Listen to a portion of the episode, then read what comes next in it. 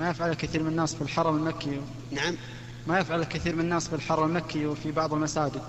من حجز الأماكن يضع مكان يضع كرسي المصحف مثلا على مكانه ويأتي بعد ساعات أو سبع ساعات ويحجز عن غيره من المسلمين ليأتون قبله. هذا يجوز أو لا يجوز؟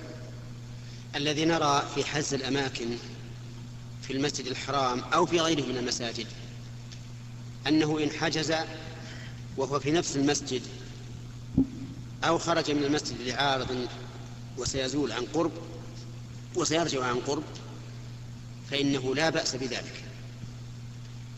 لكن بشرط إذا كان في المسجد أنه إذا اتصلت الصفوف يقوم إلى مكانه لئلا يتخطى الرقاب. وأما ما يفعله بعض الناس يحجز ويذهب إلى بيته وينام ويأكل ويشرب أو إلى تجارته ويبيع ويشتري فهذا حرام ولا يجوز. هذا هو القول الصحيح في هذه المسألة. ولكن قد يرد علينا مسألة الحجز في منى.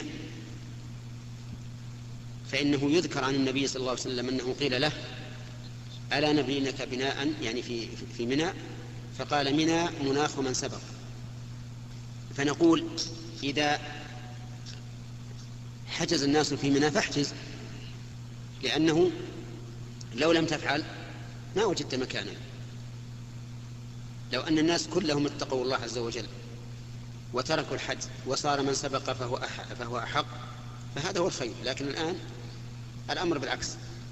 إلا أنه الحمد لله في ظني أن ما حصل أخيرا من الحملات التي تأخذ أرضا بإذن المسؤولين عن توزيع الأراضي هي أهون بكثير من الحجز لأنها تكون البقاع منظمة